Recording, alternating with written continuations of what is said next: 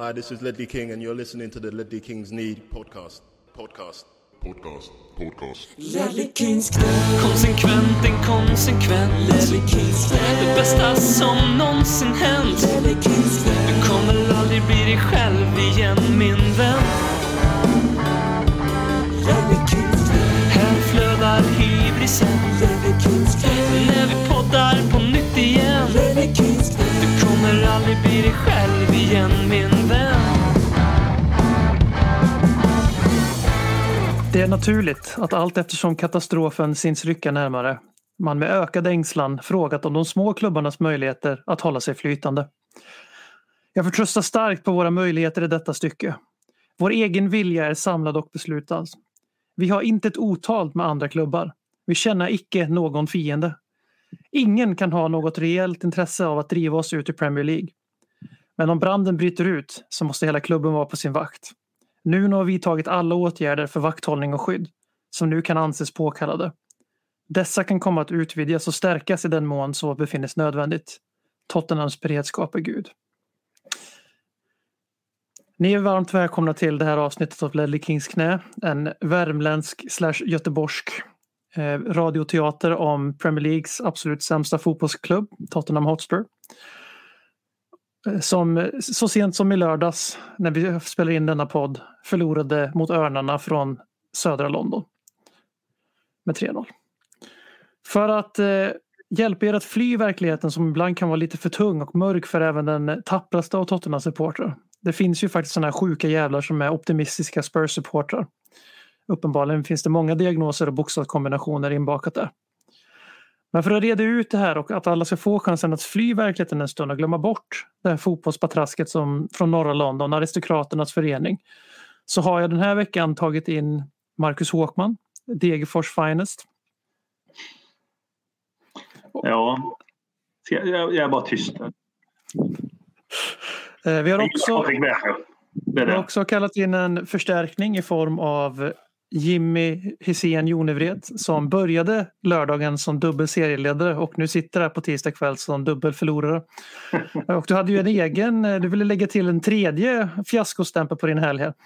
Ja, men det, jag spelar ju fotboll själv eh, så att eh, det blev ett kryss mot eh, ligajumbon. Så att ljusare helger har man upplevt. Eh, Sannoliken en del av Tottenham dock går ganska bra just nu och de hade en ganska fin helg och det är faktiskt Tottenhams damlag som tvålade dit eh, Manchester City. Som sitt namn troget även är en riktig köpklubb inom damfotbollen och eh, Tottenham slog då City med 2-1 och det andra raka segern i årets ligaspel. Tottenham var ju ett mittenlag skulle väl sammanfattas som förra året. Eh, Alex Morgan till trots, som allt mer känns som en ännu större PR-värvning än vad Gareth Bale visade sig vara om man ska vara riktigt ärlig här nu. Men eh, det som hände här i helgen var i alla fall att våra damer eh, vann mot City och det var alltså första gången på 33 hemmamatcher eller tre år som Manchester City förlorade på hemmaplan. Så när allting annat är skit då kan man alltid vända sig till dam, damerna för de håller i alla fall Tottenhams fana högt. Och eh, med det tycker jag vi drar igång det här avsnittet. Långa poddar, långa poddar, långa poddar om Spurs Först och främst så ska vi börja med en liten lek. Temat på dagens podd är ju som sagt verklighetsflykt. Och vi kommer att ha flera olika övningar och aktiviteter i den här podcasten som går ut på att fly verkligheten så mycket som möjligt. För er sjuka masochister där ute som älskar att lida och välter er i ångest så kommer vi även att eh, prata om Palace-matchen. Vi kommer att eh, byta lag i den här podden och vi kommer också att ta ställning till lyssnarnas påståenden. Ett helt nytt segment med en helt ny jingel som ni kommer bjussas på i slutet av avsnittet. Eh, Men vi börjar med första momentet för idag och det är Vem är tröjans? Och här har jag då kokat ihop att jag kommer att säga ett tröjnummer i Tottenham och så ska ni i stort sett säga den första spelaren ni kommer på som då får bära den här tröjan. Om ni tänker att vi ska hissa upp varenda jävla tröjnummer i Tottenham i taket här som de håller på med i Nordamerikat. Eh, Så vi börjar med tröja nummer ett. Vem är Tottenhams nummer ett? Och varför Marcus Håkman? Den första som dyker upp i mitt huvud. Ja, Så det behöver inte vara den jag tycker är liksom, som är nummer ett. Det är fri tolkning. Det är alltid roligare med fri tolkning. Då tar Ian Walker. Ian Walker. Jag är bäst känd för sin frill. Gardinfrillan. Ja, men han körde ju den här Liam Norberg Sökarna-frillan liksom, parsen som var inne där på 90-talet. Om ni kan den referensen. Så är det. Så- Jag tänkte säga att den är jävligt smal, fast så jävla smal är den ju inte heller. Typ- Speciellt när Liam Norberg spelar Sökarna och sen är Sökarna på riktigt och gör bankrån och åker in något år senare. under, under tiden de spelar in Sökarna 2 gör han detta också. Det, är- Ja. det är lite roligt. Eh, Jimmy? Nej, men eh, min första är ju Paul Robinson, så är det ju bara. Eh, och eftersom jag eh, är eh, game show host här så har jag ju väntat ut det noga. Jag tar ju Hugo Lloris och eh, anledningen till att jag tar Hugo Lloris, och nu bryter jag mot min egen regel jag satte här, det är att för att jag tänkte också Paul Robinson för det är den första målvakten jag förknippar med Tottenham om jag ska vara helt ärlig. Eh, som, jag, som är verkligen så det är Tottenham för mig. Han gjorde den där utsparken direkt i mål allt det där. Men sen så kom jag på, vi hade en diskussion för någon vecka sedan jag och Håkman att Hugo Lloris tar så jävla för given och han är ju helt klart, och jag tror Håkman var det, var det du var inne och snurra på lite där i början, så ska jag säga det hjärtat säger eller det hjärnan säger, vilket är ett litet mönster idag. Eh, så jag tog Hugo Lloris, men jag erkänner då att mitt hjärta sa inte Hugo Lloris. För att man vet aldrig vad man har förrän man förlorar. Och med det så går vi in på tröja nummer två och nu får Jimmy börja här så att inte han får så lång betänketid. Vem är tröja nummer två? Jag, jag är inte helt säker, men det som kommer upp top of mind, det är ju Pascal Chimbonda. Oj, det är fint. Om han hade två. Jag tror att han hade det, men, men det är det första som dyker upp i alla fall. Så att den här fria tolkningen den får vara det den är, så att säga. Han spelar ju högerback så han ska väl ha nummer två om inte annat. Punkt bara. Alltså, han kan också ha haft 73 för att han är en konstig individ. Men, men, eh, men det känns som att han hade två och det är det jag ser framför mig. Och han var ju någon form av favorit ändå. Håkman? Steven Carr. Eh, ja, det är även mitt svar. Eh, kan ni gissa varför? Ett försök får ni varför det är Steven Carr som är BMs namn här. Ja, The Flag. Irländare va? Helt korrekt. Och Är han, bästa. han är väl irländare, irländare, irländare också om man ska vara så. Hur man nu ska dra gränsen. Han har inte en gammelmormor eller... Eh, jag, tänkte- jag tänkte bara nu, det här ska bli jävligt intressant att höra dig definiera vad en riktig irländare jag vet inte. Men vad, jag vet inte. Vad är en, vad är en riktig, irländare? Hur många i landslaget nu? Jag bara säger. Eller har det alltid varit så? De gjorde väl så, blev väl så ett framgångsrecept då när de gick till EM 88. Att han Bobby Charlton som var tränare där och då för det här landslaget över 88, 90 och 94. Så började han sortera terrängen. Vem har hämtat en irländsk hund och adopterat honom? Vem har en gammelmormor? Eller någon ingift liksom, kanin. Ja, men förstår du vad jag menar? Och så började han plocka Ja, ja. Andy Townsend och Ray Houghton. Och, ja, men det var ett gäng liksom. Vad fan är en riktig irländare? Ja, det, blir, alltså, det är ju ett ämne som inte jag tycker är så jävla roligt att prata överlag. Vad är en riktig nationalitet? Men, men vad är en riktig irländare? Är han född i Irland säger jag så? Eh, Jag tror att han är det. Jag Ja. eh, förstår också vart din, vart din frågeställning kommer ifrån. För vi kan ju ta den här eh, Declan Rice, Jack Grealish, Harry Kane. Det är tre exempel på killar som kunde spela för Irland om de velat. Ja, ja, Ingen ja. av de här pojkarna är ju i närheten av att vara född på Irland. Så kan man väl sammanfatta. Nej, nej. Eh, Och två av dem spelade i ganska hög ålder för, och, eh, i- för irländska laget för de bytte. Men eh, det är det du syftar på. Det här är någon som faktiskt inte kan spela för ett annat landslag men är för dålig för det och väljer Irland på grund av Ja, tänkte, säcken helt enkelt. Irland är liksom numera Englands spellag lite grann så. Ja, C-lag skulle jag nog Ja, C-lag kanske man. Fruktansvärt svag startelva när jag såg dem i EM. Och så, bara så, här, så kollade jag deras, deras landslag, deras startelva nu i VM-kvalet. Ja. Ja, det var ju- de For har ju gått Parrot ner sig. League One. Jävlar vad de har gått ner sig alltså. På kvalitet. Eh, Vi går över efter de här påhoppen mot min personlighet och min adopterade kultur. Så går vi över till tröja nummer tre och eh, då börjar jag för att hålla det här och här har jag, det går för mig inte att komma ifrån Danny Rose. Även om han inte hade tre de första åren så det är också en sån här liten historiekorrigering jag håller på med här. Men eh, Rosen, Rosen får den.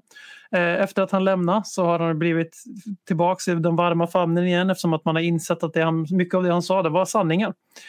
Eh, och eh, som man alltid sagt om stora profeter i historien, Jesus och så vidare, är ju att det är ingen som lyssnar på sanningssägare förrän de är spikade på korset. Och det är precis vad José Mourinho och Danny Levy gjorde mot Danny Rose. Så Danny Rose får min röst. Han får min också. Danny Rose är tre i Tottenham för mig. Ja, alltså, det, här, det här du ska säga någonting konträrt nu bara för att ja, men jag tänkte på en annan. Men fan, Justin Edinburgh. Mm. Ja, han är ju den man kanske ska säga men jag kan inte låtsas att jag följde honom så noga på plan så att jag får Men jag liksom... gjorde ju det liksom. Men så är det, Danny Rose är verkligen en profil för mig egentligen också. Som sticker ut på ett annat sätt. Allt det du sa BM om hans... Ja. Örat mot rälsen hade han verkligen. Nummer fyra, Håkman. Vem är Tottenhams nummer fyra? Stefan Freund. Ja, fan, det bara kommer upp i huvudet på mig. Han är egentligen inte det. Vad fan tänkte jag på han för? Liksom? Nu tänker jag på innermittfältare, jag, nummer fyra. Vad är nummer fyra för dig detta? Det är ju viktigt. Det var in, nummer fyra är för mig innermittfältare om vi ska diskutera det också. Ja, för mig är det mittback. Mittback Okej, då får är fyra igen. Vad sa du? Mittback är nummer fyra väl? Om man ska ta det i så här siffer. För mig är fem och sex mittback. Fyra innermittfält, åtta innermittfält. Sju... Det Nej, går ju men inte. Man det ju sex spela som sexa. Ja, du spelar ju sexa, då är du ju central mittfältare eller defensiv mittfältare. Till och Jo, jo, fan det, det, nu är det så här, vet, ja, jo, men för mig, ja, ja, skitsak samma. Men det är bara vissa positioner back in the days liksom. Till. Men då får jag ta en annan Stefan Freund. Nej, men, nej, men du tog Stefan Freund nu. Jag tog Sean Davis. Ja, men han är ju innermittfältare. Ja, okej, Stefan Freund är back i mitt lag. Så du ser. Är Jimmy? Alltså, det är samma sak här som med tvåan. Jag är inte helt hundra. Men, men, men det, var, det första som dök upp är ju Didier Sokora.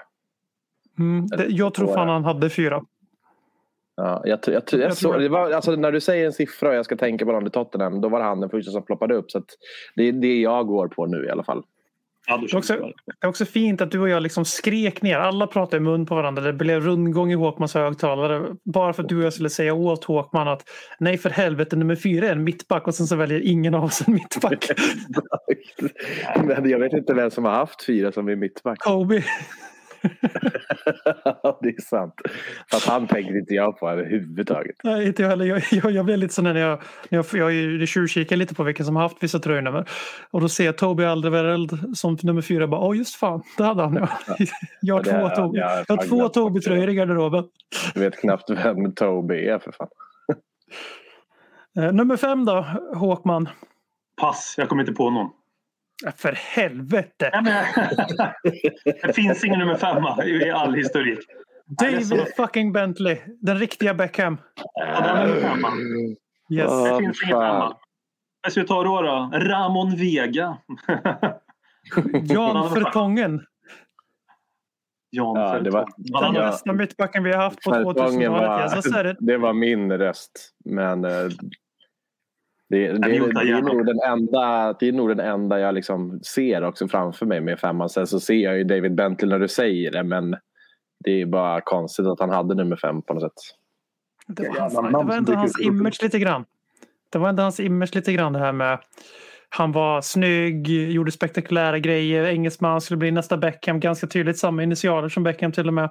Och sen så var han rätt jävla usel på fotboll bara, vilket var ett problem för sammanhanget. Och så fick han nöja sig med nummer fem. Som jag i och för sig tror att han valdes som Gareth Bale GB11 så att säga.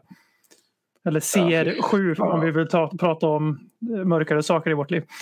Mig, får bara säga, för mig David, David Bentley känd för två saker i Tottenham. Ena var ju Arsenal-målet när han skjuter från halva planen och firar och springer mot, eh, mot supporterna på bortaplan. Och det andra är ju när han hällde vatten över Redknapp. Liksom. Det, Och det man- summerar man, Och det summerar man tid lite grann.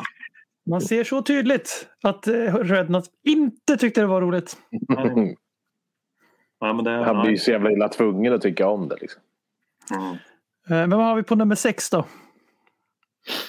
Jag har en. Ska jag Kör. köra eller? Teemo Tainio. Han är min bubblare. Fint att Jamie. Jamie O'Hara. Jamie O'Hara, den är fin. Eh, Jag tog ju Michael Brown. Michael Brown, fy Den fan. gillar jag vilken också. fin spelare. Det, Jag älskar det, honom. här, det här är ju en liten tri- trip down memory lane. Det är ju inte, det är ju inte he- helt slumpartat med tanke på helgen och vad det här avsnittet har för tema. Men jag tänkte det är, ibland så kan det vara fint att utan att göra fyra timmar poddavsnitt om en säsong där man vinner FA-cupen så kan man ibland bara snacka gamla spelare och vad det är man kommer ihåg dem för. Och Det är liksom fint. bara, Michael Brown hade inte jag tänkt på idag annars. Så är det ju. Exakt. Exakt. Och Timo förtjänar ju att nämnas om inte annat för 2-1 tecknet mot Drogba i Ja, cupfinalen. det är så magiskt. Jag älskar honom. Har vi koll på om hans grabb fortfarande lirar för oss? Maximus, Tainio. Maximus. Det är så sjukt att han heter det. Jag vet inte. Men det, tror, han, det borde man väl ha, ha på något sätt läst eller hört. Eller man, det känns som att man blir spammad av det här jävla officiella Tottenham-kontot vad som än händer. Så att Ja, han är nu- inte vara kvar. Jag, nej, jag gör lite sidospår här nu. Eh, Vi, vi gör ju en medveten verklighetsflykt nu i Minnenas Allé. Är det inte ganska tydligt att Tottenhams sociala medier gör det den här säsongen också? För det var jävla fokus på killar som har lämnat Tottenham. Som idag hela jävla dagen på sociala medier handlar om Christian Eriksen. Ja, jag vet. Det är så Ja, kul. det, det är alltid Det någon finns inget positivt att visa från nutiden. Liksom. Det- En, en till sak var gemensamt med Arsenal då. Ja. Håkman, vill du nominera någon på sexan eller hade du redan gjort det? Ja, men jag sa väl Jamie O'Hara. Ja, just det, det gjorde du. Sorry. Också en fin, så här, riktigt hård brittisk fotbollsarbetare som man höll så jävla mycket högre. Jag kommer ihåg så väl den här fantastiska tiden mellan typ 03 till 07-ish. Li- Nej, det är fan precis innan det. Till och med det är nog fan med bara 02, 03, 03, 04. När vi har de här hårda fotbollsarbetena som man blir uppsnackad. Jamie O'Hara var ju jätteupphaussad. Sen blev han en habil Championship-mittfältare som kunde göra ett jobb i Premier League skulle jag sammanfatta hans livsverk som. Eh, men sen börjar ju Joll höja Tottenhams lägstanivå lägsta nivå till den grad att vi har prenumererat på Europaplatser i stort sett sedan Martin Jarl kom in. Och då har ju vi tappat alla de här gubbarna för de, de så kallade dödskötter vi har nu det är ju för att de är fotbollsspelare som är fostrade för att spela i ett bra fotbollslag men de är inte tillräckligt bra på att spela fotboll på det sättet.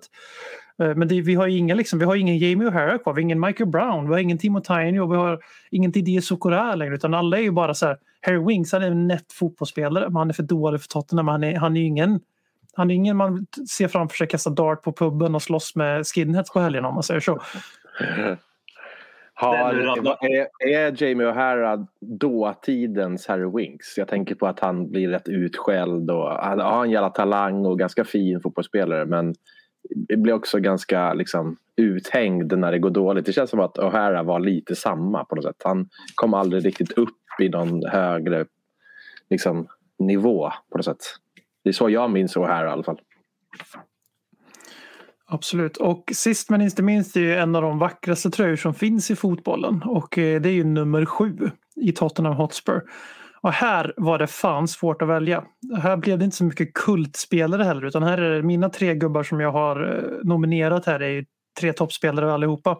Men jag vill höra Håkman svara först där. Darren Anderton. Check på en av mina. Det är de. Sick det är. Aaron Lennon. Det är den andra. Och sist men inte minst är ju givetvis Jong Min Son eh, som är för, kanske den bästa spelaren som har haft nummer sju i Tottenham får man väl lov att sträcka sig till. Eh, men eh, både Aaron Lennon och Darren Anderton är ju ikoner i Tottenham. Det går inte att se på något annat sätt. Alltså nu när man hör... Alltså, jag, jag vet inte ens vad spelarna har för nummer längre. När du sa att Son var nummer sju. Ja, har han tänkte jag. Han har nummer sju. Alltså, jag, jag tänker inte på det längre.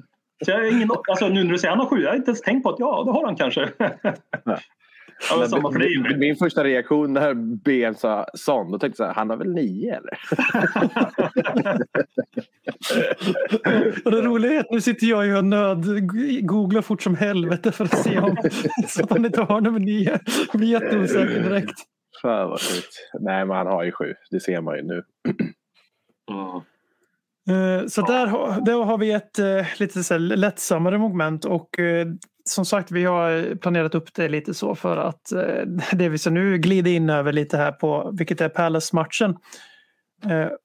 Den var ju inte skitkul att se på och ingenting man sätter och garvar åt direkt utan vi kan väl bara vi börjar, fan vi brukar inte göra så här i podden, men vi börjar med laguttagningen. Alltså, hur, var, hur var känslorna när ni tittar på text-tv eller, eller på någon app eller sociala medier och såg att eh, Tottenham skulle spela med Skip, Wings och Höjbjer på mittfältet mot Crystal Palace. Håkman?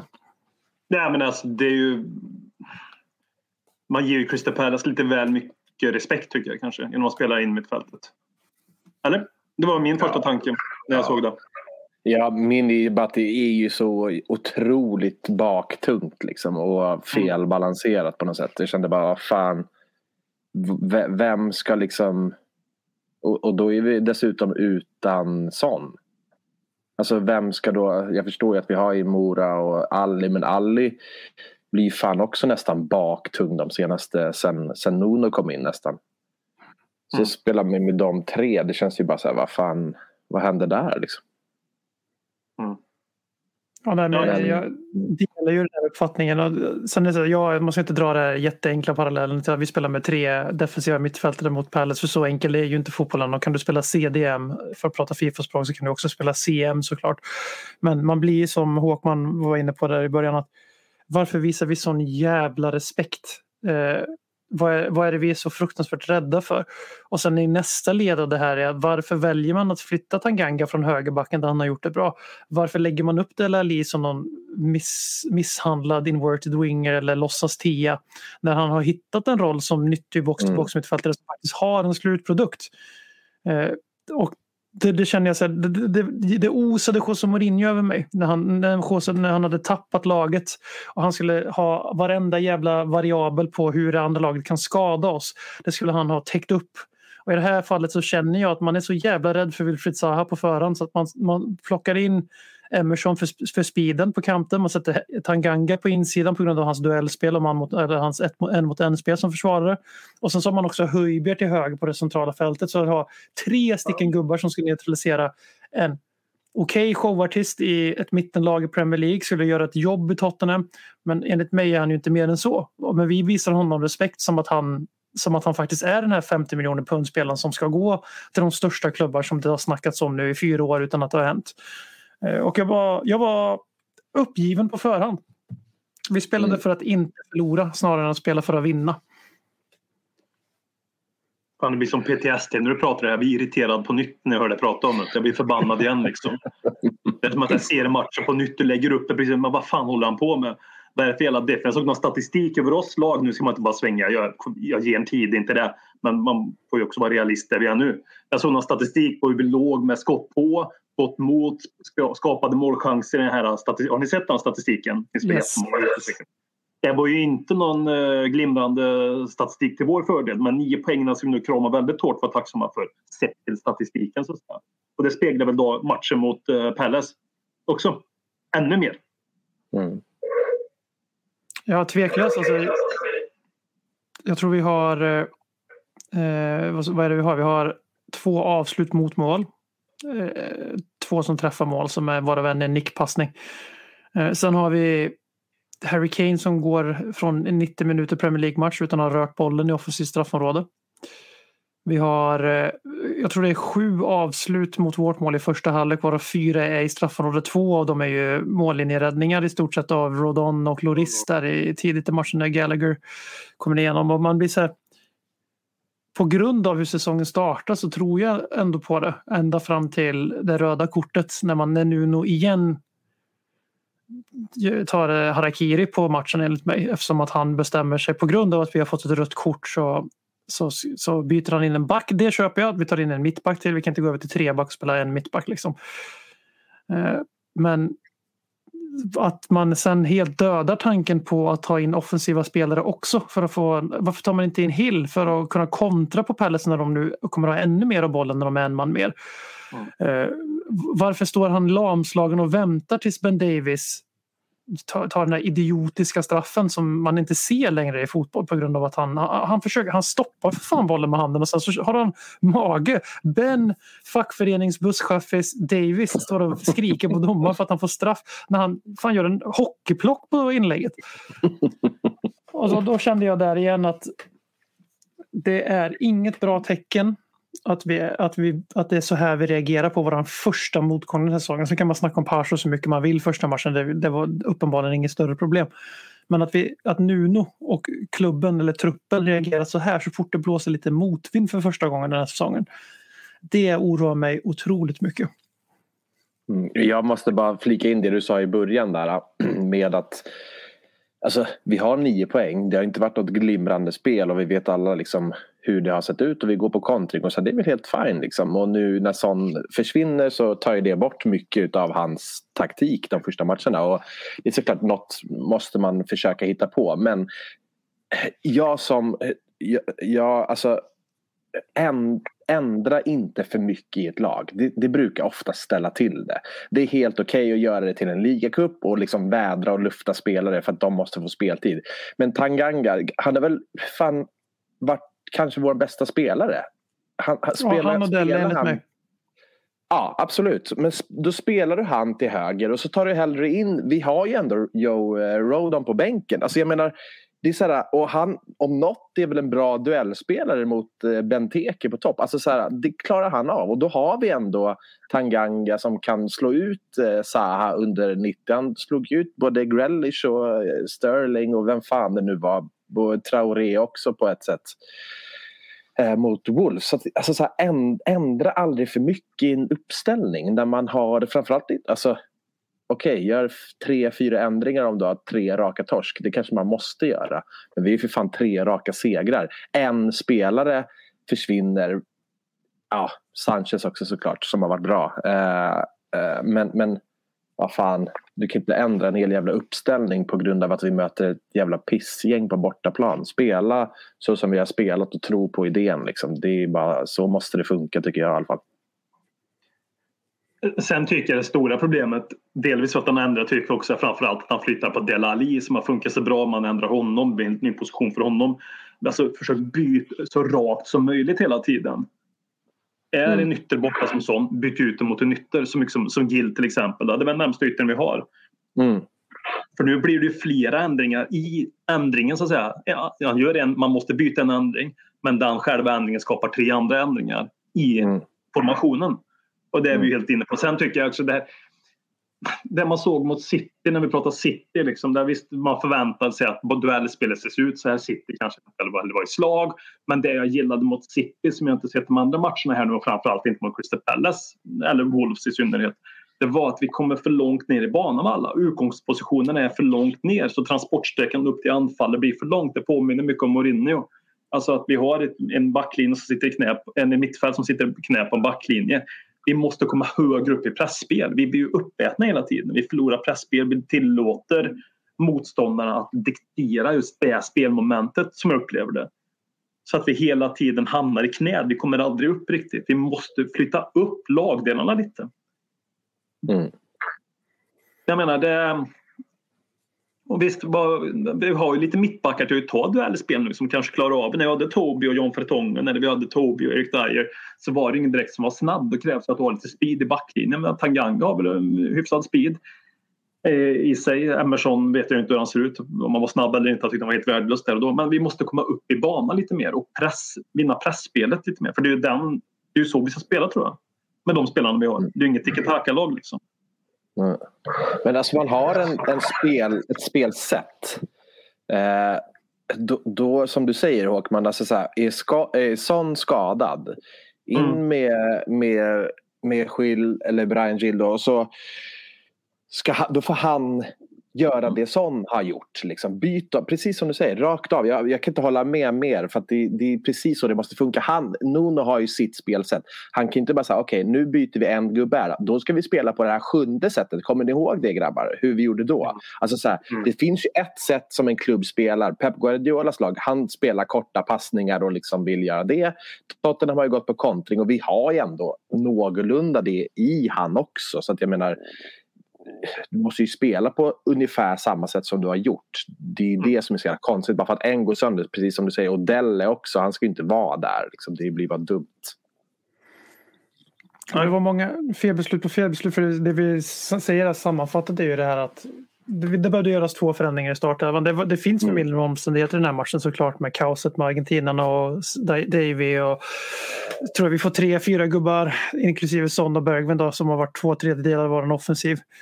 Eh, och gör ett väldigt tydligt jobb i både Mourinhos och Nunos Tottenham hittills. Så det är att de ska vara direkta och kontra och de ska driva med boll och, de, och framförallt Bergman gör ett jävla hemjobb. Då. Men det är, det är tre gubbar som försvinner från startelvan. I, och Bergwijn och Lukas har ju roterat lite med varandra redan trots att vi har spelat några matcher. Eh, så där tycker jag vi kan kryssa Bergwijn. Vi har Lukas där, det blir liksom samma samma. Eh, Och sen eh, då är det Son och Davis som ska ersättas. Så istället för att, som ni varit inne på här, att ersätta dem rakt av så när man kan komma så väljer man att flytta på två spelare och samtidigt ta in två nya. Så det blir fyra förändringar i startelvan, eller fem till och med. Bara för att man inte... Det går inte som spelare i det här laget kan inte jag känna någonting annat än att min tränare litar inte på mig. Om jag är Harry Exakt. Winks och blir inkastad här eh, och Harry Winks är inte dummare än vad vi är, hoppas jag. Att han ser ju så här att nu är inte, nu är inte Luchel så här. En Dombele, han är i frysboxen, har inte gjort en minut för Nuno.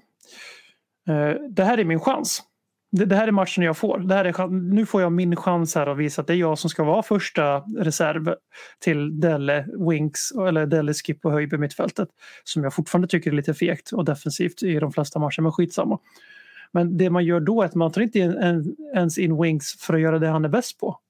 Alltså att ligga framför backlinjen, städa upp och eh, framförallt att fördela boll, hålla bollen tryckt inom lag. För det har varit en enorm svaghet för oss under Nuno. Eh, att vi, vi, vi har ju spelare som kan hålla i bollen fram tills vi kommer över mittfältet. För där ska vi inte hålla i bollen längre. Då ska det gå fort mot mål med Harry Kane, Son och vem det nu är som är tredje hjulet. Men när Winks kommer in, då kommer han in i någon form av eh, offensiv... Han ska spela box-box, Han ska ta Dele Alis roll. För Skip spelar, trots att han såg ut att dö två dagar innan i u Han spelar fortfarande sin Sokvas-roll och så är Höjberg någon hybrid av Moses Sissoko när han var Serge Harriers barnvakt och eh, den här danska dynamon vi såg i EM. Så man, man, han tar inte ens in spelare för att göra det de är bra på utan de, de, de kommer in för att vara någon form av låtsasversion av Dele Alli. Om man nu ska göra de här rockaderna menar jag. För det kanske låter som jag säger emot oss själva lite men om man nu ska ta in Winks i Dele Alli-rollen i det här laget redan där har man ju förlorat för jag kan inte hitta, jag kan hitta inte särskilt många likheter mellan Dele Alli som fotbollsspelare och Harry Winks förutom att de är engelsmän båda två spelar för Tottenham Hotspur ungefär. Utan för mig är det ju självklart, ska du ersätta Dele Alli i den här matchen då är det en Dombele som ska in. Sen är det ju skitsamma om han bara orkar 60 minuter. Mm. Man har ju tre byten att använda. Eh, Och nu kommer vi få se honom mot Rennes antar jag i veckan. Och eh, det, det enda vi fick ut av det här det var en jävla dos av ödmjukhetspaj och en påminnelse om att en, att en rebuild är smärtsam. Och jag kan ju ställa frågan på rak arm här. Liksom, eh, förmildrande omständigheter. Finns det några på riktigt? Alltså om vi tänker på matchbilden och inte på förutsättningarna inför matchen. Är det någonting som händer i matchen som liksom ursäktar det här, den här eh, kapitulationen vi får se? Alltså, eh, ja, nej jag kan inte se, jag kan inte, nej. Ja, det är, jag tycker att det är, det är bedrövligt. Det är för dåligt. Det finns inga ursäkter till en sån här insats. Det spelar ingen roll vilka som är borta eller skadade. Eller vad. Det spelar liksom ingen roll. Och under matchen heller. Alltså, det är en pissig inställning rätt igenom. Tycker jag.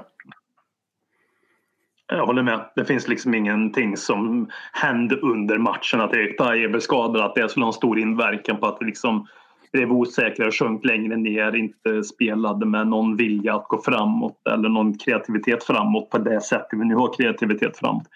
Nej, det ursäktar inte. Och jag menar när Tanganga blev utvisad, det var inte så att det förändrade matchbilden. Visst, målen kom ju då, det blev ännu värre, men det var inte så att vi fram till matchminut var det 60 kände att fan, det här har vi. Och så blev det en utvisning. Nej. Nej, nej, nej, nej, nej, nej, nej. Det här är en kombination av eh, spelare kontra tränare som har varit inne på som jag förlorade. Fan vad deprimerade det här semestern. Jag blir riktigt negativ nu.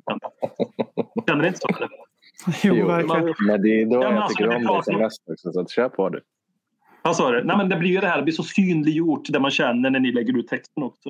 Så blir det så synliggjort det man också har känt och då får man det bekräftat genom att höra andra prata om de här Mm. misstagen. Det med hur vi ställde upp uppställningen, sett till att vi gjorde för många rockader, att vi hade det här tremanna in i mittfältet. Jag är redan trött på Höjberg som någon jävla nummer åtta. Vi kallar för nummer åtta nu ligger fram. Jag är redan trött på det. Kan vara en kreativ gub- gubbe där fram. Jag är redan trött på den lösningen. Då, då väcks de här sakerna på en som man känner redan och så läggs de på ytterligare på ett lager och så blir jag bara, men du skitsäsongen. Det är mycket emotionellt nu. Så är det inte. Det kommer bli bättre men, men det var ju, ja, men det har ju, man överlever matcher för att vi vinner matcher och när man förlorar en match när det sett ut likadant så blir den förlusten mycket mer och mycket värre än ja, om jag hade haft ett hyfsat fungerande spel någonstans. Mm. Det blir en smärtsam påminnelse om skit matcherna innan på något sätt. Watford Wolves som inte har varit bra. Och det har vi inte sagt heller att de har varit bra men ja.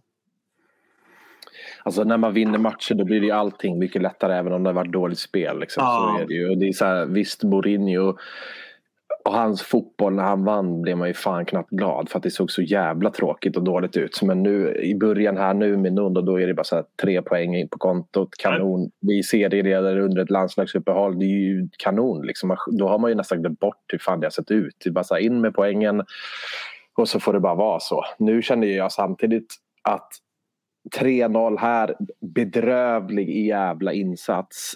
Lika bra att ta den i, i, i facet liksom på en gång och så kanske vi har klarat av i alla fall ett sånt här jävla lågvattenmärke. Liksom. Eh, nästan bättre att det ser vi torskar med 2-0 och vi har varit så här, ah, okej, ja, det var ju inget bra men visst. Men nu känns det som att okej, väckarklocka, vakna för helvete liksom.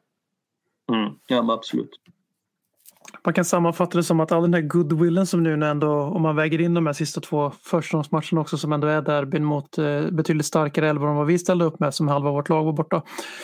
Eh, och sen ser man de tre första ligamatcherna och eh, man ser en, en bra insats mot City, jättebra insats till och med. Wolves, eh, vi blir ju överkörda och de är bättre än oss men vi skapar åtminstone, vi kan göra, hänga tre i den matchen, det är inget konstigt. Nu, och jag står fast, vid att Wolves har en riktigt het målchans, kanske två. Watford vi kontrollerar matchen från minut 1 till 90. Vi spelar inte bra men det är vi som styr. Eh, det var lite tvärtom här mot Palace. så Jag tycker inte de var så jävla bra heller. Eh, 3-0 smickrar faktiskt deras insats lite grann. Eh, Man tycker alltid att motståndaren är så jävla bra för man ser ner på motståndarna när man har vant sig vara topp 6-lag i 15 år. Eh, Men Palace gör inget speciellt i den här matchen. Jag ty- Jag tycker verkligen inte det. Eh, Sen är de bättre än oss hela matchen, det säger jag ingenting om. Men de, och de kontrollerar matchen från matchminut 1 till 90 och vinner välförtjänt med 3-0. Men det var samtidigt inte så här att jag, jag tror fortfarande att om vi inte får straffen emot oss så förlorar vi, förlorar vi kanske inte den här matchen. För att de är en man mer, vi är inte så säkra på att det hade påverkat så mycket med tanke på hur det såg ut innan. Men eh, straffen dödar oss för när de gör 1-0 då är det liksom, ska, ska, ska det här åtta, åtta manna försvaret helt plötsligt kontra in två bollar på Palace. Eh, när Harry Kane gör sin kanske sämsta match i karriären. Mm. Eh, tveksamt. Eh, och det som man blir orolig för här nu, förutom att Nunos för han får ju kämpa för sin goodwill för han var ju sjunde valet och det är inte många som vill ha honom och han, han påminner mer om Mourinho än Pochettino på många sätt. Eh, enligt många. Och eh, nu ställs vi då inför en liten matchradda här om vi bortser från eh, Conference League vilket de flesta kommer göra tills vi åker ut i gruppen. Då är det helt plötsligt fiasko men fram tills dess så kommer ju alla sagt att de inte bryr sig om den så skitsamma. Vi, vi släpper den matchen i alla fall. Sen är det ju Chelsea, Arsenal, Wolves eh, vi lirar. Wolves borta i ligacupen. Eh, Det är ju inte för mig baserat på hur det har sett ut sammanvägt den här säsongen men framförallt med Palace på näthinnan. Det känns ju inte helt otänkbart med tre raka torskar. Nej. Har vi Arsenal borta eller? Vi har eh, Chelsea hemma och Arsenal borta tror jag. Eller så är det tvärtom. Mm. Ja. Ja, den är, det är jobbigt att gå in i den tre matchperioden med det här i ryggen. Fan, det är inte kul alltså. Eh, och det, det, det, jag tror att det sitter i bakskallarna på spelarna också, så jag är helt säker på det. Det, Mm. det är inget roligt. Agree, agree. Så är det. Så jag bara hoppas att Arsenals uselhet, liksom, trots att de vann med 1-0, satt hårt inne mot Norwich. Liksom inte tar dem, de, de är ju fortfarande ett jävla skitlag. Så att jag menar, hej, det är bara att hoppas att de är det mot oss också så har vi ju trots allt en chans. För att de är, ser ju också ruskigt svaga ut. Så att eh, det är bara att hoppas att eh, att de inte gör någon supermatch så ska vi absolut ha goda chanser att vinna en sån match, tycker jag i alla fall. Ja, den matchen ska vi ju inte... Vi ska inte Chelsea rår vi ju inte på. Nej, nej, nej. Men Arsenal borta ska vi ju inte ha någon gamnacke inför känner jag oavsett om vi har en dålig eh, trend inför den matchen. Jag såg lite, lite av deras match mot Norwich, eller jag såg rätt mycket. Och, nej, lite, klart de har lite övertag men det är ju inte så så att det var total dominans för dem heller liksom hemma mot Norwich. Norwich kunde mycket väl öppna mål. De skapade ytor, de var svajiga bak och deras kombinationsspel och spelskicklighet i passningsspel. Norwich var så pass bort. Sårade Arsenal tyckte jag. Nej, den, eh, nej den, den förtjänsten ska de inte ha Arsenal. Det har de inte gjort, gjort sig förtjänt av. Att man ska ta dem, eh, att man ska vara rädda för dem liksom. Hur länge ger vi Nuno för... Eh, nu har ju vissa redan börjat med den trenden, men det är de som fortfarande gasslar José Mourinhos Kool-Aid. Eh, främst. Men eh, hur länge ger vi Nuno för det börjar blåsa? Han har ju trots allt bara ett tvåårskontrakt. Och kommer vi, till, kommer vi till jul här och det ser ut så här med några käftsmällar. Då är det bara ett och ett halvt år kvar på kontraktet eller en och en halv säsong kvar på kontraktet. Ja, och speciellt nu när Mourinho har en ny klubb och den löneposten inte behöver ligga ute. Tänker jag. Nej, jag tror inte heller att det är så mycket mer sett till det du sa BM. Jag tror att det kan gå ganska fort. Alltså. Att tills att det börjar blåsa på riktigt. Sen, sen vet jag inte alltså, vad som krävs för att han ska få sparken. Det, alltså, så här, det känns inte så Daniel Levy att att köra liksom en, att han får kicken framåt jul. Det känns för tidigt även om det ser dåligt ut. Men jag menar, ja, det, det beror ju såklart på hur många poäng vi tar. Alltså. Men ligger vi liksom under halvan och det ser ut så här. Hej, då med två års kontrakt så hjälper ju det till om man skulle vilja sparka någon. Nu säger jag inte att han ska göra det men ja. Nej, men det är ju mest intressant här att man har ju skapat ett läge för sig själv där han är lätt att sparka men man har också satt en jävla tidspress på projektet som jag inte tror är ett projekt. Alltså man kan snacka om det och porträttera det som ett hur mycket man vill. Ger man någon ett tvåårskontrakt så är det inte ett projekt. Eh, Då är man någon form av caretaker. Kanske till och med så pass att det ska matcha Pochettinos utgående kontrakt. Men det, det tror jag inte nödvändigtvis. Men man har i alla fall en contingency plan i bakgrunden. Man har, man har någonting på fickan. Man har en tanke om att det här kan bli någon annan ganska snabbt. Så att jag tror att ser det ut som det har gjort, vi hankar oss fram, vi ligger med, har en chans att förbättra oss från förra säsongen eller konsolidera att vi fortfarande är ett topp 6-lag. För det, vi, är- det är ju under hot nu att vara ett Europalag till och med. Eh, då, då hänger Nuno kvar. Eftersom att han just bara har två på kontraktet. Men man kan också vända på det myntet och säga fast om det inte ser ut som att vi hänger med. Det ser ut som att vi tar ytterligare ett kliv bakåt i utvecklingen. Eller att Everton springer förbi. West Ham konsoliderar att de är bättre än oss. Sådana grejer händer. Då är helt plötsligt det här kontraktet en, eh, en giljotin över huvudet på Nuno. För då är det, varför, varför ska man vänta om man säger så? Mm, nej, så är. Jag, tror, jag tror de känner samma. Ja, men jag tror också någonstans att Nunos nyckel till att det ska kunna ge honom lite tid. Visst, poäng naturligtvis först och främst, men också lite grann hur spelet ser ut. Sett till att det var någonting som den Liv hade en ganska som var kom ut i alla fall. Att han ville spela en annan typ av fotboll nu. Att det var en stor vikt att få in en ny tränare, spela fotboll som skulle kanske få folk att börja le lite. Det var mycket den promote, promotingen som var även nu från Nuno när han kom till Tottenham. Han vill få folk att So is to do. Han sa väl de orden exakt själv va? Jag menar, alltså, lyckas han inte få det, nu så vi inte bara döma på fyra matcher, men nu pratar vi utifrån att naturligtvis. Utifrån att det skulle eventuellt fortsätta ut så här och poängen inte liksom ramlar in. Även om de ramlar in helt, rätt hyfsat, vi säger att det ligger 7-8 och det ser ut så här tråkigt, folk är missnöjda. Då blir också Nunos fall beror också då på José Mourinhos tid. Ja, definitivt.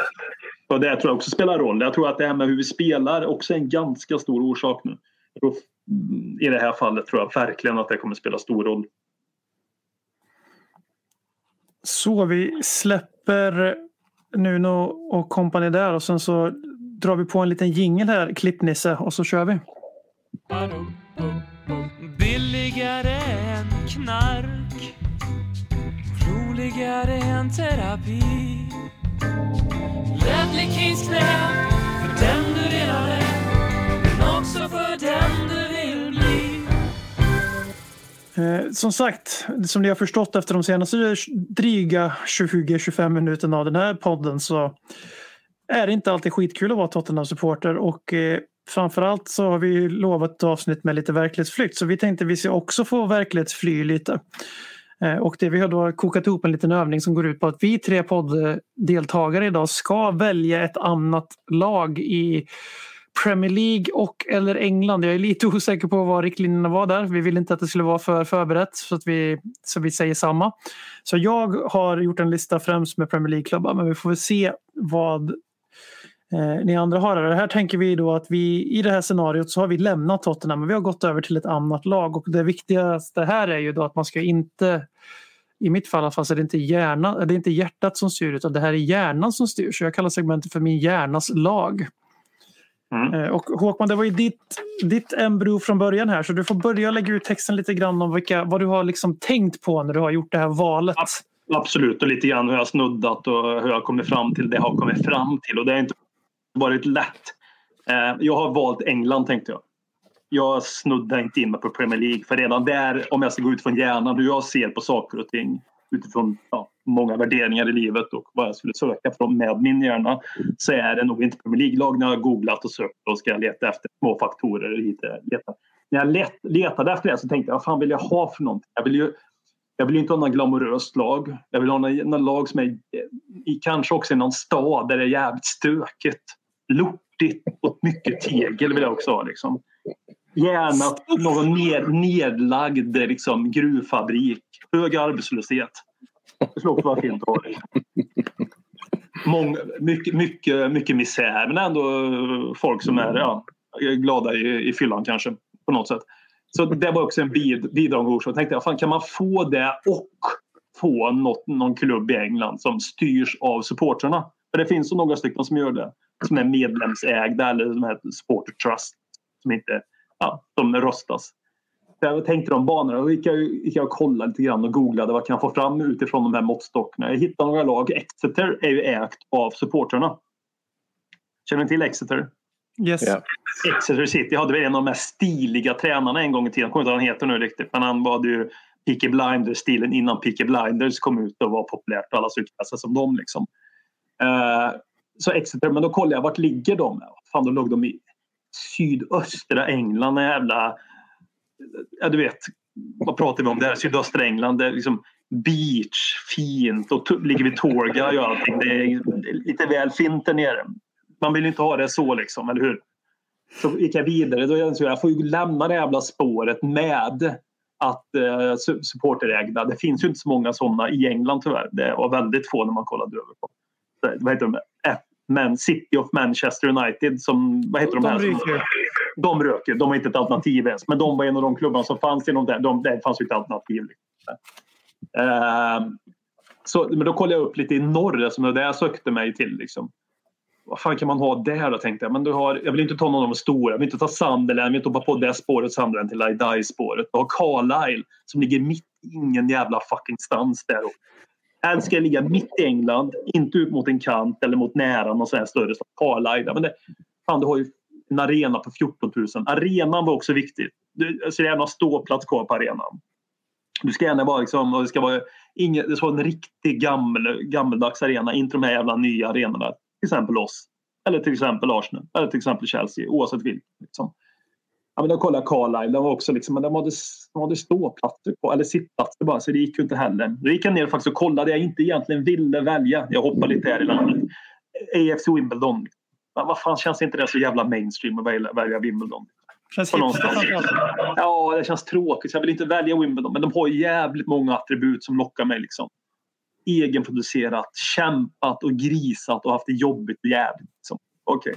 Så det blev ingen av de här klubbarna. Jag var vara väldigt nära Exeter för de har också en arena med en riktig jävla ståplats.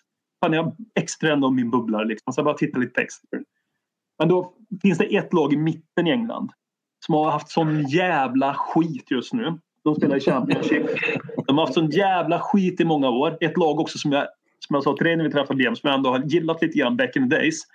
Innan det blev Tottenham. Det var två lag som jag liksom på någonstans minns att jag gillade. Inte bara för att gilla de här också. Men det var aldrig de här. Som har haft sån jävla dynga. De har inte spelat på sin hemmaarena på tre år. Hedman, Rolle. Vad sa du? Hedman, Rolle. Exakt. De har inte spelat hemma på tre år. Jag var inne på ett annat tema. Sheffield också. Det är en riktig grisstad. Det var också inte vilja välja. Men Coventry City ändå. Med bubblor Exeter. Så, ja, fan. Jag säger Coventry City. The Sky Blues. The Sky Blues. Tyvärr är det ju andra saker de faller på. Det, ju- det var svårt det där. De har en arena som inte är deras gamla liksom. Brioc Arena. De här. Men de fick gå på den här historiken med att haft det skitigt.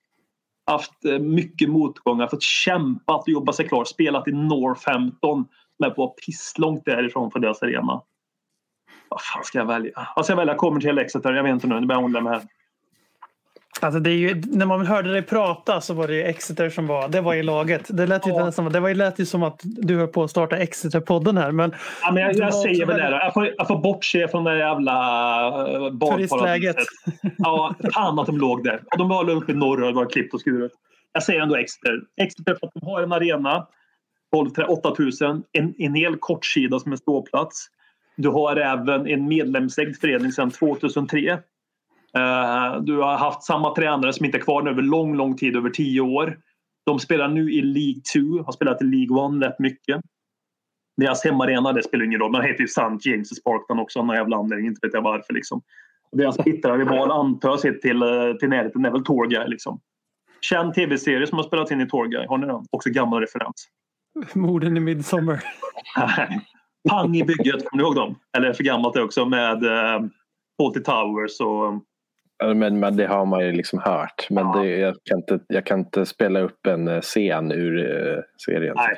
Jag inser ju det här tioårsbandet mellan oss blir tydligt ibland. Men, men i alla fall, och då, det är bra. Men så Exeter väljer jag då. Det var ju en lång monolog där men lite ta in på mitt hur jag tänkte för att komma fram till detta. Ja, men det, det, det, det, temat för avsnittet är verklighetsflykt som sagt. Ja. Och eh, det här är ju om det finns en bättre övning för verklighetsflykt. Är det. Sen är det ju, vi har haft många samtal både i podden men framförallt off the mic om det här liksom att ju äldre man blir desto mer inser man att valet av fotbollsklubb som kanske inte alltid är ett val för de flesta är ju från barndomen där man inte man gör inte ett kognitivt val. Det är andra aspekter som gör att man är Tottenham och så vidare. Ja, ja. Eh, Och det är, alltid, det är alltid en spännande övning att köra den här. Hur skulle jag, om jag var tvungen att liksom ramla in i världen idag och så bara nu ska du välja ett, nytt- du ska heja på ett annat fotbollslag. Tottenham har ju begått den där dödssynden som du inte kan förlåta dem för. Eh, till exempel att flytta in på London Stadium eller vad fan det nu kan tänkas vara. Europa Super League, bli köpt av någon blods eh, eh, oligark, vad det nu kan vara. Eh, och eh, Jimmy, vad, vad skjuter du in här? För till att börja med så måste jag ju kolla om du höll dig till hela engelska fotbollssystemet eller om du körde bara Premier League. Nej, jag är inte i Premier League. Det var fan, jag gjorde det alltså jävligt mycket svårare för mig själv än jag behövde. Ja, men då sparar vi Premier League, eh, Judas BM till sist och så kör vi Jimmy Football League. Fast det alltså, först. det, det, när ni hör mitt val här så kan jag bli ruggigt uthängd. Alltså. Men eh, det, det är ju inte Arsenal i alla fall, som ni förstår. Ehm, och min, min utläggning och min research den är otroligt mycket grundare än Håkmans, eh, ska sägas på förhand också. Jag är så sju, den, som den sjuka jäveln man är så tänkte jag så här, okej, jag är tio år. Eller ja, när man nu började heja på Tottenham. Så jag ville liksom se likheten. Så här, vad, vad, skulle, vad, vad är det jag gillar med Tottenham som jag på något sätt skulle vilja ha i mitt nya lag? Eh, och, och, och, och hela den biten. Så att eh, jag har ju gått på, jag, jag tänker så här. Jag vill ha ett coolt klubbmärke. Alltså, nu är det tioåriga Jimmy som pratar. Det ska vara liksom ett coolt klubbmärke. Coolt namn eller liksom som klingar bra. Det kan också vara 30 plus Leonard Jägerskiöld så kan det vara också, absolut. Eh, kan ha en förkärlek till den här klubben också. Det är inte Fulham. Men eh, ja. Eh, och sen så kände jag så här, jag behöver en spelare som, som någonstans jag skulle ta åt mig när jag var yngre då. Och då kände jag att en offensiv spelare som är en klubblegendar som jag liksom fortsatt idag skulle älska. Då. Eh, det var väl... Det, jag vill ha en klubb som inte alls är framgångsrik. Så det är väl det det mörka är i min story som i Håkmans story. Att han inte vill ha en klubb som ligger på beachen. Utan jag vill ha en klubb som absolut inte har vunnit något. Det är väldigt viktigt. Eh, så jag, jag hamnade i London. Jag, tror jag, jag tror jag vet vilka du har. Ja, fortsätt. Mm. Eh, jag, jag hamnade där för jag kände att det är enkelt att åka och kolla på dem. Snyggt klubbmärke, ganska coolt namn. Och då blev det ju Queens Park Rangers. Mm. Fint faktiskt. Fint. Fan, är, Eh, de, och, i- är de i League One nu? nej, de Nej, är i Champions. Championship. Ja, det var jag som eh, fick för mig bara. Eh, och då var ju då eh, deras forward såklart Les Ferdinand som jag kände att han, han hade jag älskat då som på något sätt jag gör nu fast i Queens Park Rangers så att säga. Han är väl, han är väl om en större i Queens Park Rangers än vad han är i Tottenham så att säga. Genom historien. Eh, och sen så är liksom en av så här, när man växer upp lite grann då så att ha fått uppleva Adel Tarabt i sin prime eh, hade ju Ja, bara det finns det. Där finns det något. Det hade nästan räckt som en utläggning. Men ja, ni fattar. Och Loftus Road är helt okej också. Det finns Ja, jag, och jag, jag vet ju att jag har blivit lite påverkad där. För att jag har ju nämligen varit på match på Loftus Road. Så att eh, det, det gjorde någonting med mig. Eh, typ 20 000 åskådare. Otroligt tryck. Eh, liksom arga fans. Inte, gla, inte glada när det blir mål utan mer arga nästan. För att de, ja, framgången finns inte där. De har väl en ligacuptitel om jag googlade fram rätt. Så att det var så här, ja, max en ligacuptitel får det vara. Så var där också. De var ju var Ja, lite pensionärshem där för Tottenham ett tag. Ja, men var- det, det, det, det, finns mycket att gilla. Liksom Harry Redknapp, att han bara ens har tänkt så här, okej, men det är en fin klubb, då tycker jag också det på något sätt. Jag gillar arenan där man ser på bilderna. Jag har inte varit där men liksom väldigt intim. Två etage ändå på arenan. Mm. Alltså proper ground liksom på något sätt. Fri, den är mäktig. Precis som Mm. man vill ha en, en... Alltså det har varit så jävla mäktigt om till exempel någon av våra klubbar i Sverige, Håkman, hade haft något liknande. Ja, Djurgården till Eh. exempel. Någonstans. Nej. Men eh, nej, jag vet inte. Men det, eh, det, det föll på dem i alla fall. Så var det. Ja. Bitterheten i Ja. Stockholmssupportrarna i den här podden idag. ofta jag drar den referensen här men jag var tvungen. Ja, nej men på Det riktigt. en- många, det skulle, var- många skulle vara bra att ha den på riktigt för den är jävligt fin faktiskt. Så det- Kapacitet skulle passa många i Sverige också. Mm. Faktiskt.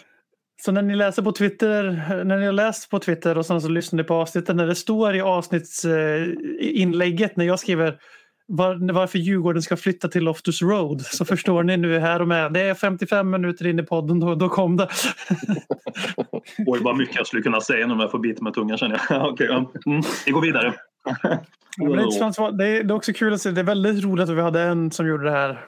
Support. Jag ska inte säga att jag, Jimmy inte gjorde men Hå- Håkman körde väl lite med den här. Liksom, jag är en vilsen ståplatssupporter som har, känner mig des, desillusioniserad med min klubb. Eh, Och du tar Exeter på grund av många aspekter. Du vill tillbaka till den äkta fotbollen lite grann. Så lite, lite som man hade lite sån halleluja moment när man var på Degerfors kansli och snackade fotboll med Patrik Werner. Att man kände att det här är fotboll och Tottenham är ett rymdskepp. Mm och sen så körde Jimmy den fantastiska att han är tio år, han har hittat ett klubb. Då kunde du öppna upp för de lite mjukare värderingarna. Alltså de, här, de riktiga anledningarna till att man faller för en fotbollsklubb. Förutom när man ärver en fotbollsklubb som vi ändå får lov att tro är det vanligaste tillsammans med lokal plats. Och så råkar man befinna sig där det finns en relativt stor fotbollsförening så tenderar man ju att stötta den fotbollsföreningen. Eh, Jag eh, körde ju Premier League-spåret här och det kan jag ju säga att det tog ju timmar att bara komma fram till någonting som ens liksom gick att ta i mun. För jag är ju trots allt, hur det kan låta, en Tottenham-supporter. Och att ta, alltså försöka hitta ett hem hos en av våra rivaler. För man, man, känner, man tror att man bara tycker väldigt illa om Chelsea och City och på grund av politiska skäl. Chelsea är både politiska och andra skäl. Så att, eh, det är min hatklubb nummer ett. Eh, och sen City jag vad de är och sen så har vi Liverpool-sekten, klubben Liverpool. Inga större problem med men eh, det andra. Så jag gick och gick och gick bland de här listorna och jag kollade ju allt möjligt då för att hitta någonting som jag kunde känna mig någorlunda bekväm med i den här fiktiva verkligheten. Så till slut så valde jag, så här, om jag skulle spela en FM-serie och jag var tvungen att spela i Premier League eftersom jag spelar bara med ett lag om jag spelar i England. Vad skulle jag gå efter då? För det var enda ingången jag kunde ha. För att jag, det gick inte att ta bort supporten. Eh, så först eh, så var jag inne och svängde lite i staden Liverpool. Eh, Och det var väldigt enkelt för att staden Liverpool är väldigt arbetsklass, i alla fall historiskt. Stor industriport och en hamnstad. Eh, Den har också några fantastiska smeknamn som Irelands second capital eller Dublins backyard. Som liksom lockade mig dit ganska mycket. Eh, Då har vi ju problemet här då när vi kommer till Liverpool att ett av lagen rent objektivt, man kan ju inte, även om Liverpool som fotbollsförening är okej jämfört med många andra. Så är det ju så här att man kan ju inte som 30-åring bara bestämma sig för att heja på Liverpool för då kan man ju lika bra ta PSG eller City eller Real Madrid. Alltså det, det är på den nivån. Varför ska jag välja ett lag från översta hyllan liksom? Det, det är för lätt. Så då rök ju Liverpool då. Eh, och det motiverade jag med att de tog så hög hyra av Everton så att Everton lämnade eh, Anfield och byggde Goodson Park. Och då började jag ju då snöa in mig på Everton istället. Eh, de har eh, bra pris på säsongsbiljett för att vara en Premier League-klubb. De har fortfarande kvar Ken Wright som en del av ägarna. Eh, och det var viktigt för mig för att Premier League har inte särskilt sympatiska ägare. Tottenham är fan topp tre på den listan. Alltså. Alltså, går man in på Wikipedia och kollar ägarlistan så det är som sämst topp fem på Danny Levy och Joe Lewis. Alltså. Eh, baserat på mina fördomar. men eh, Bill Kenwright är ju liksom Mr Everton och var där tidigare men nu har han tyvärr sålt och då kommer vi in på lite till minus med Everton. Och det är ju det här va, att de har ju faktiskt gödslat ganska mycket pengar de senaste åren. Väldigt mycket pengar. Och skillnaden är att de inte lyckas så bra men de lägger ganska mycket pengar. Eh, och sen det stora nackskottet på Everton som gjorde att jag inte hamnade där det är att de är för lika Spurs. För det jag, upp, jag upptäckte mig själv en bit in på research att du sitter ju och letar efter ett lag i en relativt stor stad som är relativt sympatisk, som har tydliga rivaler och som har en White Hart Lane fast de har kvar sin. Så du försöker bara hitta en Tottenham här och sen kallar det för Everton och så låtsas som att eh, du har gjort ett nytt val. Så då fick jag ju lämna staden Everton bakom mig. Eh, Nästa, nästa gick tåget till Birmingham. Eh, Och då tänkte jag Aston Villa ett säkert val. Historisk klubb, en del titlar, det var länge sedan de var bra. Känns väldigt, väldigt Premier League, mina första minnen med dem. Eller med ligan. Eh, och eh, det kändes bara, det här, nu har jag hittat Villa Park, alltså det här, nu är jag hemma. Det, det blir Aston Villa. Och sen så inser jag då när jag läser på om deras rival Birmingham City att den klubben är ju mer sympatisk än Aston Villa. Vilket då gör det omöjligt för mig att välja medvetet att, att eh, följa Aston Villa istället. Och eftersom jag skulle hålla mig till Premier League så får jag då lämna Birmingham bakom mig också. Då hamnade jag i London och då började det bli riktigt svettigt här när man är Tottenham-supporter. Eh, vi städade ju bort Chelsea och Arsenal på en gång. Och så får jag erkänna för mig själv när jag sitter och läser på här att West Ham på papper hade passat BM och hans värderingar ganska bra.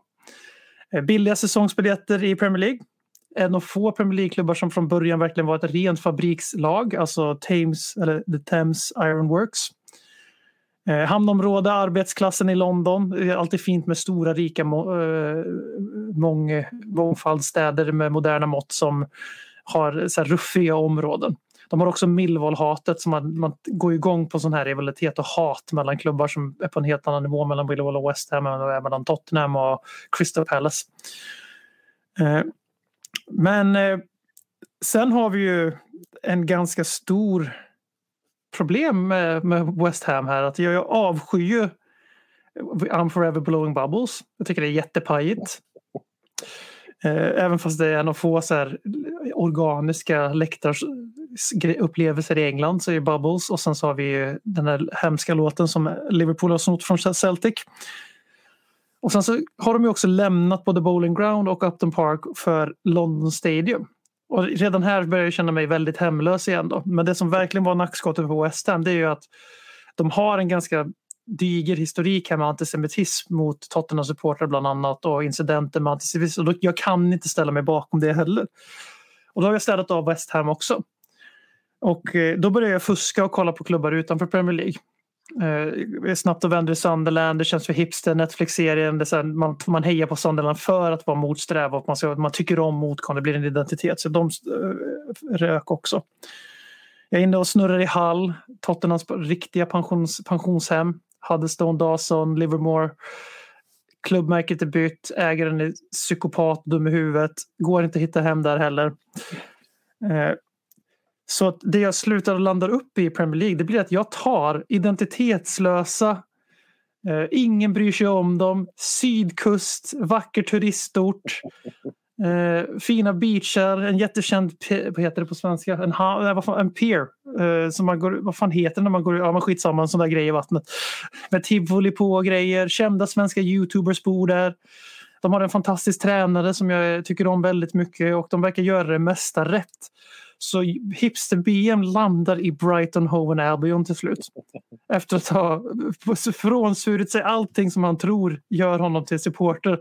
När han inser att i Premier League så kan man inte hitta något annat än Tottenham. Så det blev Brighton för mig till slut.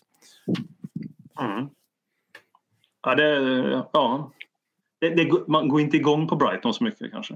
Nej, men det, det, det är ju ett riktigt kompromissval. Så jag känner ju inte ens att jag, jag ångrar mig när jag sitter och pratar så här, liksom, att jag vill inte ens ha Brighton. Utan jag tar Brighton som ett kvart i tre-ragg bara för att jag måste ta någonting ur Premier League att jag har bestämt för mig själv. Och det, man skulle typ kunna byta till Brighton eller heja på Brighton samtidigt som man hejar på Tottenham för man gick i skolan där ett år och ingen skulle bli arg på en om ni förstår. Så, så här, riktigt, riktigt fegis svar är det jag droppar här.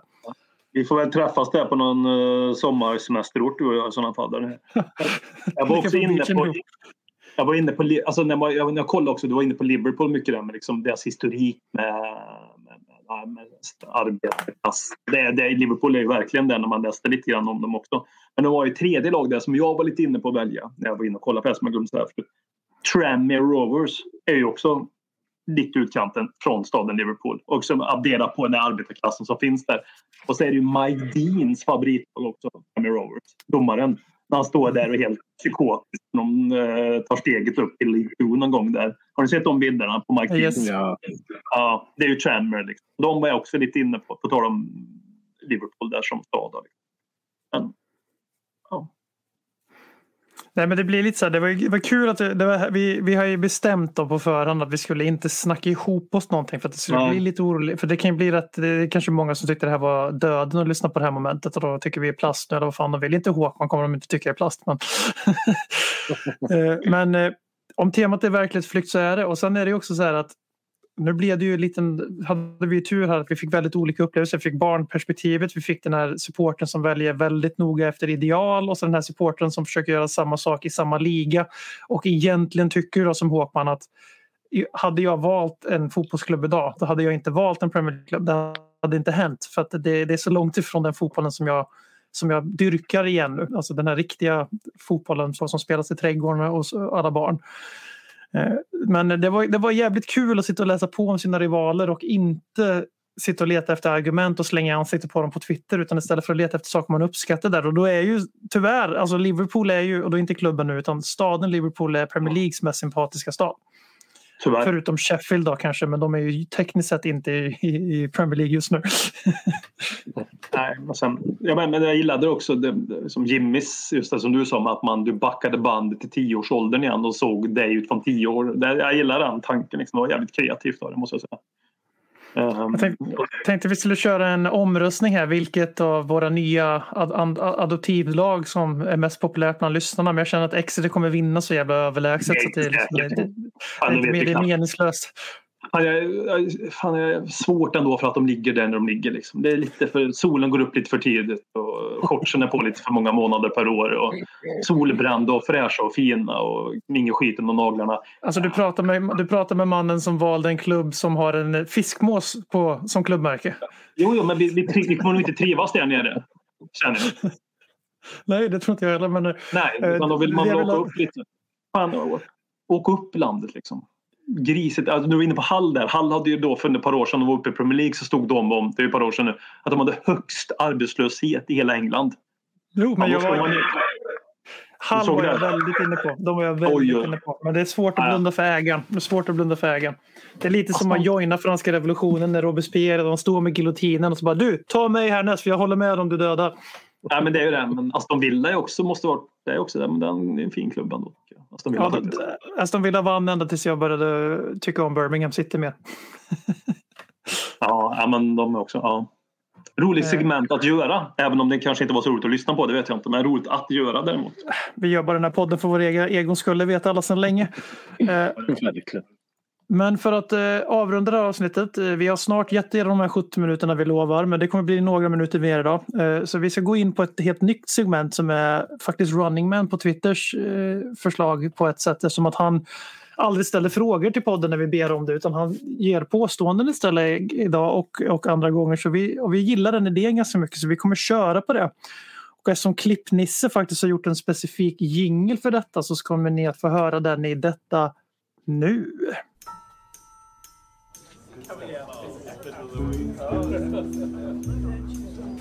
But I want to say one thing. I want you to listen to me. I'm going to say this again. I did not have sexual relations with that woman. Och jag kunde på rak arm konstatera en direkt lögn.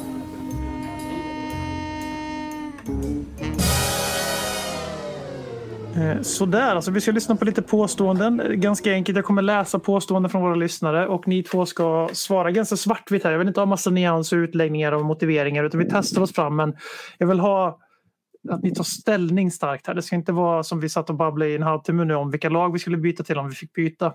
När vi försökte gardera oss och tycka synd om oss själva och inte bli nedtryckta och ses som riktiga supportrar fortfarande. Pratar kanske om mig själv främst. Eh, Så att eh, jag kommer läsa lite påståenden och ni tar ställning som sagt. Och eh, Först och främst då så måste vi ju självklart, vi måste, det går ju inte att börja med någonting annat än eh, running mans eh, för påståenden som det är hans, det är hans segment det här helt enkelt. Och han eh, skickar med tre påståenden eh, varav jag kommer bara skicka med två till er. Och det första är att från och med nu så får ingen match starta utan att någon eller några av Lo Celso, Ndombele eller Hill finns på planen. Håller ni med eller håller ni inte med? Jag håller med. Jag med. 100 procent. Absolut. Fan vad tråkigt. Fast det var ju så vi skulle göra nu. Det måste ju vara så. Ja, det, man, får- man får ju bre ut texten lite mer än sådär givetvis men det, okej. det, det var, ganska, det var ganska, ganska lätt att ta ställning till kanske. Men Ja, man måste nej, inte säga så ja eller nej. Framförallt efter, efter eh, lördagens eh, debacle så, eh, så vart det ju nästan ännu tydligare att någon av dem måste vara med. Och framförallt har ju två av dem, om nu ändå Bele vill spela fotboll, alltså kan transportera boll på ett annat sätt. Både Los Angeles och ändå Bele tycker jag. Som bidrar den. Brian Gill har inte sett tillräckligt mycket än, kanske inte riktigt är men, men just Los Angeles och ändå Bele i synnerhet då. Synnerhet Los Angeles som jag tror mycket på. Ja, men de tillför med någonting i laget som ingen har. Påstående nummer två från Running Man är startar Wink, Skip och Höjber tillsammans igen så bör Nuno omedelbart entledigas från sina arbetsuppgifter. Nej, inte riktigt så första gången kanske. Eller? Ja, men det händer en gång till menar du? Nej. Ja. Nej. Två, tre gånger till kanske. Fyra. Jag vet inte. Men det skulle ju vara helt sjukt. Det skulle vara helt sjukt vilken respekt man skulle få för Liv om han skriver i sitt official statement att han har sparkat nu om två veckor för att han har startat de här mot Chelsea och Arsenal. Vi har vunnit båda matcherna men han bara skriver så här. Tottenham is about to dares to fucking do. We do not accept winks, skip, Höjbjerg. Nuno has been, has been, asked to leave. Nya, nya Samparini. Vad var det? Palermo han var ordförande va? Som sparkade Yes, tränaren. som sparkade mer tränare än en annan bytte kalsonger på ett år. Han, han, tog, han åt väl en glass för något tillfälle. Han var intervjuad. Har ni hört om den här anekdoten? Han åt glassen. Nej. Har ni hört den? Nej. Nej. Han åt en glass. Han var när typ deras fotbollskväll eller deras match of the day i Italien. Så fick han en fråga om danstränarens framtid i eh, klubben då. Han sparkar ju ett par gånger per säsong. Ja, jag ska fundera på med att säga att klara upp glassen. Så åt han glass under, under tiden under det här programmet. Och när han ätit upp glassen så kom han med svaret. Nej, han får sparken. Bara det hade ju varit också. Det är också lite speciellt. Tänk dig en svensk ordförande göra så liksom. Någonting sådär. Jag vet inte vem det Ja, skulle det vara. Ja. Jag, jag tänker att Unionen skulle bli inkopplad eller vad nu fotbollstränarnas fackförbund heter. Det skulle bli lite, lite förnedrande kanske. Ja.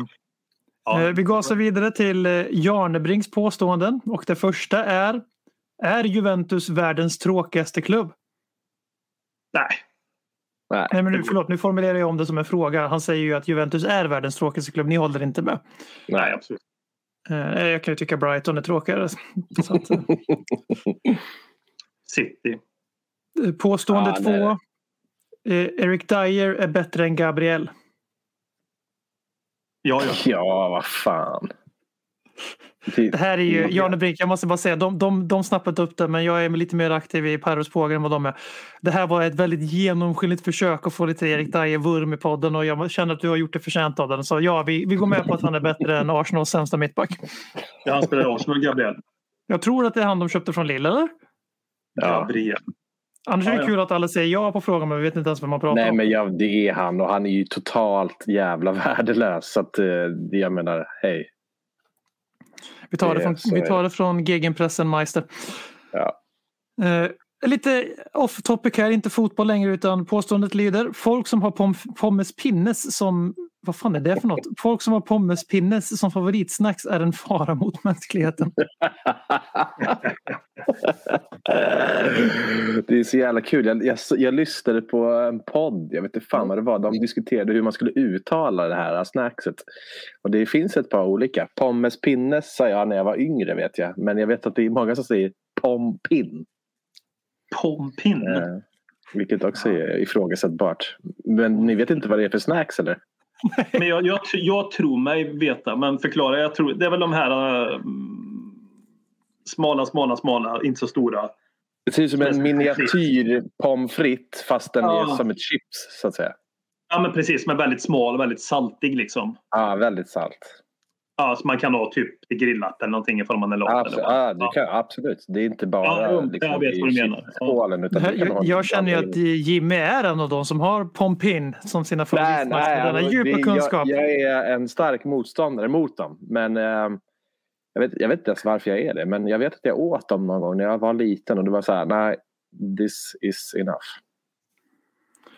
Eh, Den norska solstrålen Morten, han eh, säger att Nuno är inte Mourinho 2.0, han är Mourinho 0,5. Ja, det är roligt. Vad, vad betyder det? Alltså att han är liksom värre än Mourinho? Eller Ja, ja, exakt. så här. Han är Mourinho utan titlarna. 0,5 Mourinho, 0,5 är Mourinho utan titlar. Alltså det han var i Tottenham.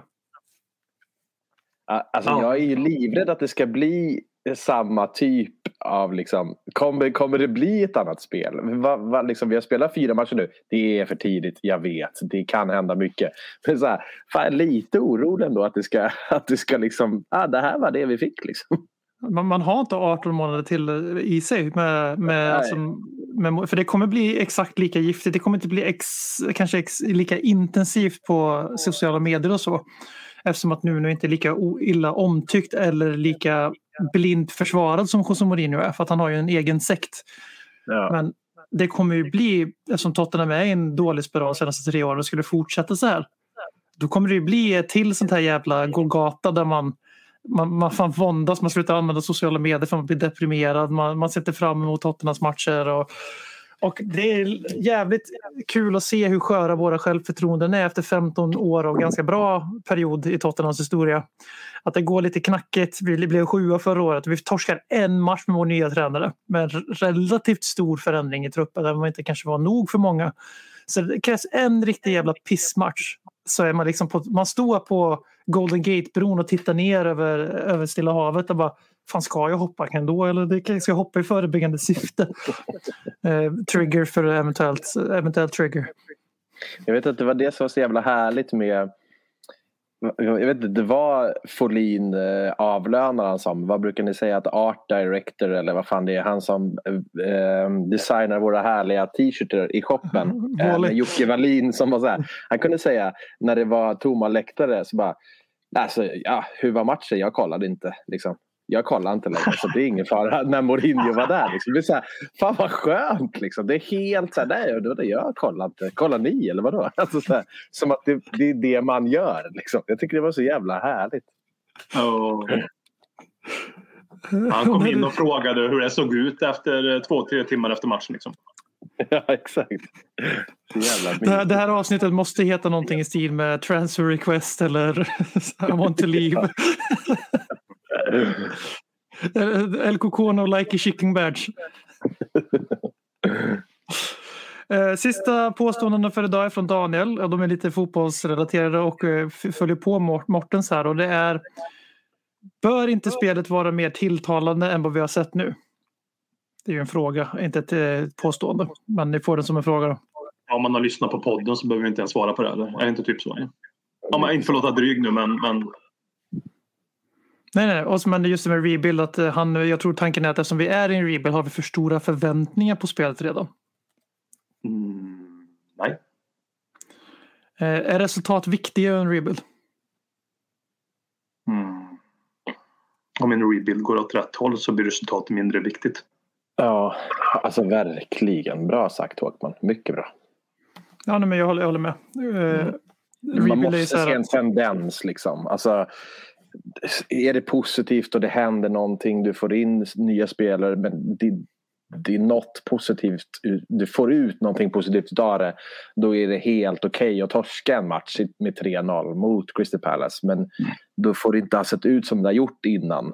Alltså även fast vi har vunnit. Alltså, så det, det måste vara mer positivt kring spelet för Mm. att poängen inte ska räknas. Liksom.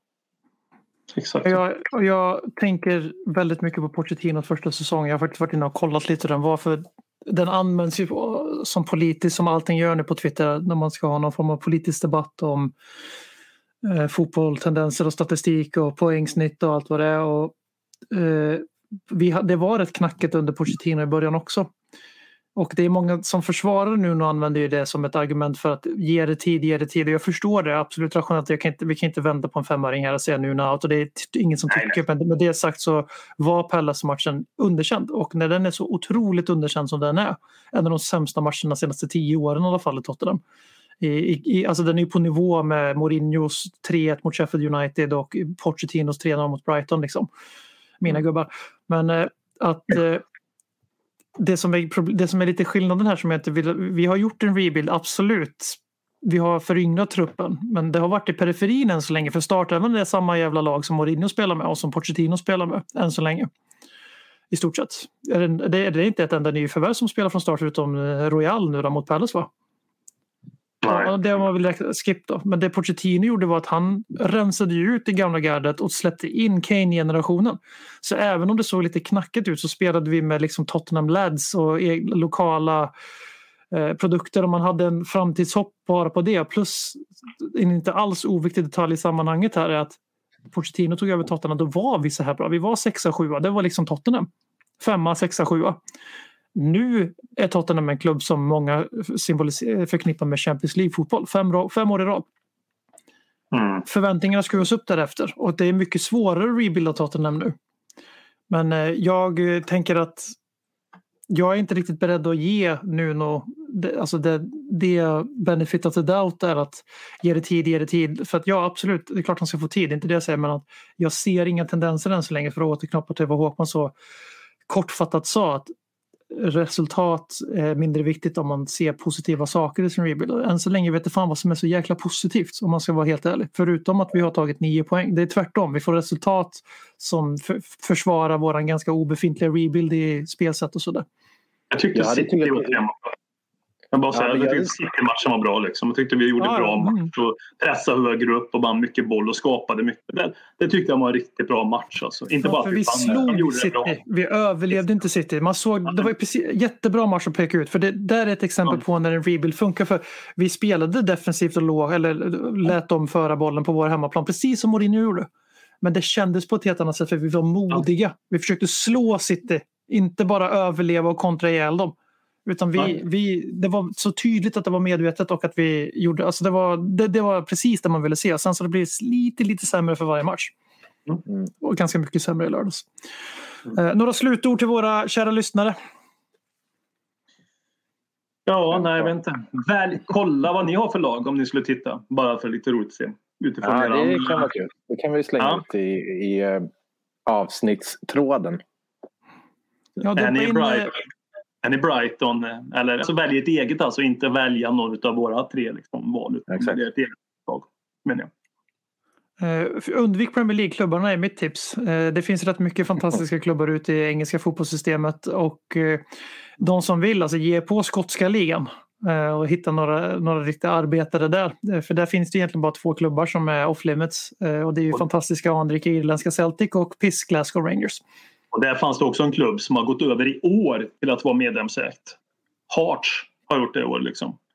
Så det var också en klubb man snuddar på. Men välj England i alla fall tycker vi. Det kan vara lite roligt om man väljer Mm. ligan, landet vi följer i alla fall. Så man inte behöver välja liksom om man är ultravänster så kommer ju alla välja Livorno eller San Pauli eller är man nazist väljer man Chelsea. Liksom. Man behöver inte välja, man kan, man kan välja någonting. är det så? Ingen som Chelsea. Nästan- med de orden, vi tänker inte säga mer, med de, orden så, slutord. med de orden så avslutar vi veckans avsnitt av Ledley Kings knä. En värmländsk slash göteborgsk eh, radioteater om världens sämsta fotbollsförening Tottenham Hotspur. När vi hörs igen så har vi slagit Chelsea. Eh, De goda har vunnit mot de onda, rebellerna har besegrat imperiet och vi kommer alla älska vår fantastiska klubb från N17 igen. Ha det gott tills dess! Ja, det var det. Ha det. Konsekvent, inkonsekvent. Det bästa som någonsin hänt. Du kommer aldrig bli dig själv igen min vän. Här flödar hybrisen.